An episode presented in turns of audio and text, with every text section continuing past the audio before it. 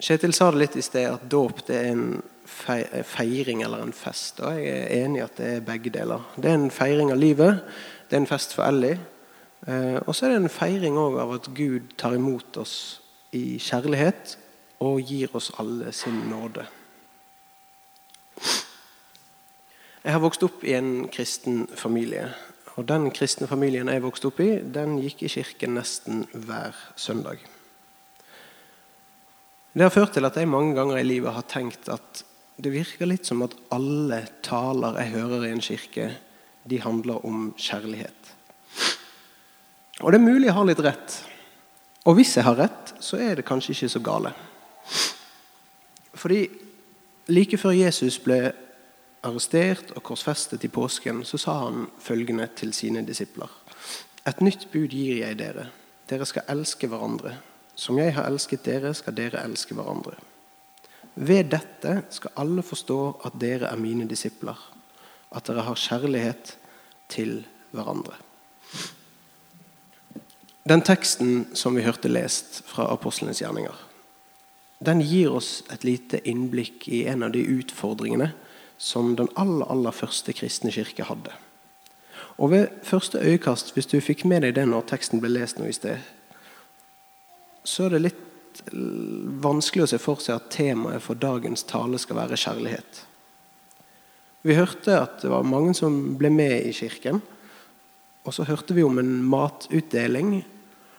Og så var det noe litt sånn skurr og nesten sånn potensiell rasisme som lederne i kirken ikke direkte tok tak i. Og Det er kanskje litt bra at kirken vokser og blir større og flere, og sånn.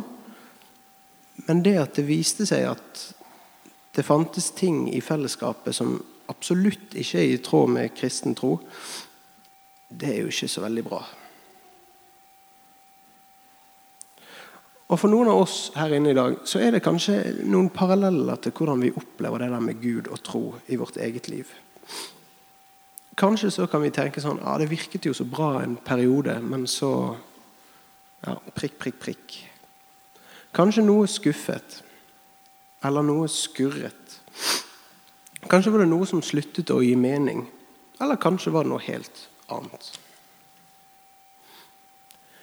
De tolv apostlene, de lederne i kirken, de hadde fått sin hovedoppgave fra Jesus sjøl. Det var det som ble lest før dåpen, misjonsbefalingen. De skulle forkynne evangeliet, budskap om Guds kjærlighet, og det skulle jammen meg gjøre til alle folkeslag. Og Det kan ikke ha vært noe særlig enkelt. Det var ikke plankekjøring. Og så krevde det mye av dem. Men i den situasjonen som vi hørte om, Istedenfor å bare få tunnelsyn på sitt eget oppdrag og fortrenge absolutt alt annet, så gjorde de noe smart.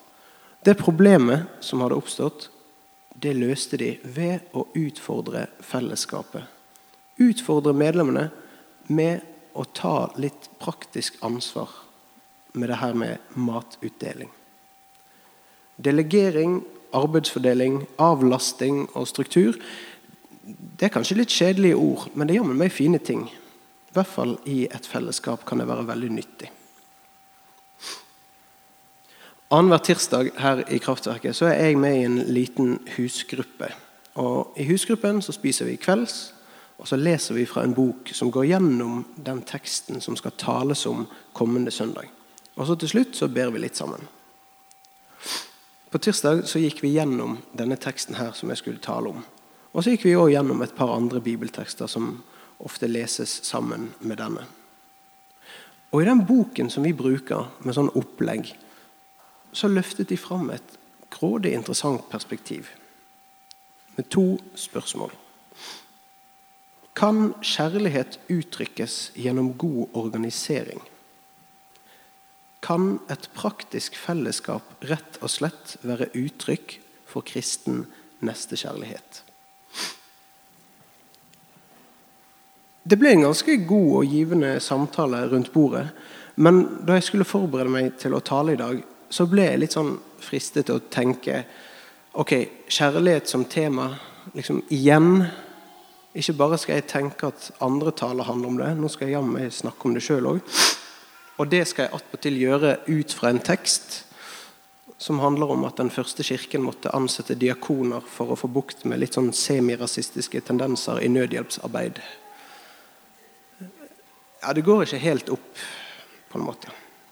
Men før det virker som at denne teorien min om tematvang i kristne taler før det virker som at den stemmer, så må jeg faktisk innrømme at jo mer jeg har tenkt på dette, jo mer virker ikke dette her linken mellom denne teksten og kjærlighet. Det virker ikke så søkt likevel. Det virker ikke tvunget. De perspektivene fra den husgruppeboken vår de gir egentlig veldig god mening satt i sammenheng med resten av Bibelens innhold og budskap. For jeg tror det stemmer det at Kirken snakker ofte om kjærlighet. Og det er ikke bare fordi Jesus snakket om kjærlighet, men fordi han var, og fordi han er, kjærlighet. Guds kjærlighet, den tar imot oss. Den gir oss det vi trenger. Og så gjør han begge deler, uavhengig av hvem vi er, og hva vi kan og presterer. Jeg har lyst til å gi tre eksempler eh, på det. Det første det er da Ellie ble døpt nå i sted. Den dåpen som vi nettopp har sett på, alle sammen, den viser hvor lite vi mennesker bidrar med når Gud tar imot oss. Nummer to. Etterpå så skal det være nattverd. Og når vi går til nattverd, så får vi noe vi trenger, selv om vi kanskje ikke merker det. Vi mottar Guds nåde uten å gjøre noe for å fortjene det. De som ønsker fellesskap med Jesus, de må jo bare line seg opp og ta et glass og ta imot. Og det tredje punktet i fellesskapet. I det praktiske som vi kan være og gjøre overfor hverandre, så har vi muligheten til å dele denne kjærligheten til andre. Og med struktur og litt ansvarsfordeling så blir potensialet for synlig kjærlighet det blir større. Og så blir det litt mindre misnøye eller utbrenthet. Så da, kjære alle sammen, en liten sånn utfordring. Hvis du har overskudd til det, så se om du kan finne noe som gjør at du kan være til velsignelse for andre. Hvis kraftverket er et sted som du opplever som ditt fellesskap, så vil jeg først si at det du gjør av smått eller stort, det betyr gjerne mer enn det du er klar over. Og Hvis du lurer på om kraftverket skal være et sted for deg, så går det an å bare melde seg som frivillig til et eller annet. Og det å hjelpe til med noe praktisk sånn en gang iblant i fellesskapet, det er ikke avhengig av at du har liksom tatovert Kraftverket-logoen på ryggen eller sverget din troskap til Frikirken for evig og alltid. Eller at du har det så sensasjonelt bra med Gud for tiden. Jeg tror at en sånn frivillig tjeneste, eller kall det hva du vil, det kan være en mulighet som du kan bruke til å vise din kjærlighet, vise Guds kjærlighet til andre. Det kan være et verktøy som du kan bruke for å finne ut om denne kraftverkemenigheten, er det egentlig et sted for meg? Om det funker eller ei, så tror jeg at det vil være bra for både deg og andre. Men så har jeg lyst til å streke under en ting til slutt. Legg merke til at jeg sa 'hvis du har overskudd'. Sjøl så trengte jeg når jeg begynte her, å gjære litt i benkene. Ca. et års tid før det ble naturlig for meg å hjelpe til med å rydde sammen med bandet etter gudstjenestene en gang i måneden. For kanskje kan du òg kjenne deg igjen i opplevelsen om at det du trenger nå for tiden, det å ha et eller annet sted der du kan snike deg inn, nesten uten å hilse på Kjetil ved inngangen, og så være her, og så snike deg ut igjen, nesten uten å ta med deg noe kirkekaffe. Og Hvis du har det litt sånn, så er det helt greit.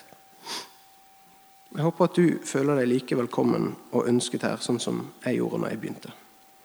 Og alt dette det sier ikke jeg bare fordi jeg hadde så lyst til å snakke om kjærlighet i dag, eller fordi at de som skal informere om praktisk hjelp, de har bedt meg om å pushe dette i en tale. Jeg sier det ikke bare for å si det. Bibelen og i, i kristen tro det er en av de mest fundamentale sannhetene at kjærligheten som vi viser til andre, den bygger på Guds kjærlighet. I 1. Johannes brev i Det nye testamentet står det vi elsker fordi Han elsket oss først. Så når tiden er inne, og overskuddet begynner å bli noe som er synlig, så vil jeg oppfordre deg til å dele Guds kjærlighet med andre. Og kanskje kan du gjøre det gjennom det du orker å være med på av ting her i kraftverket. Jeg vil gjerne be en bønn helt til slutt. Kjære Jesus, takk for kraftverket. Jeg ber for alle som er her nå. Kom nær med det du ser hver enkelt av oss trenger. La oss finne et sted der vi kan være til velsignelse for andre. Amen.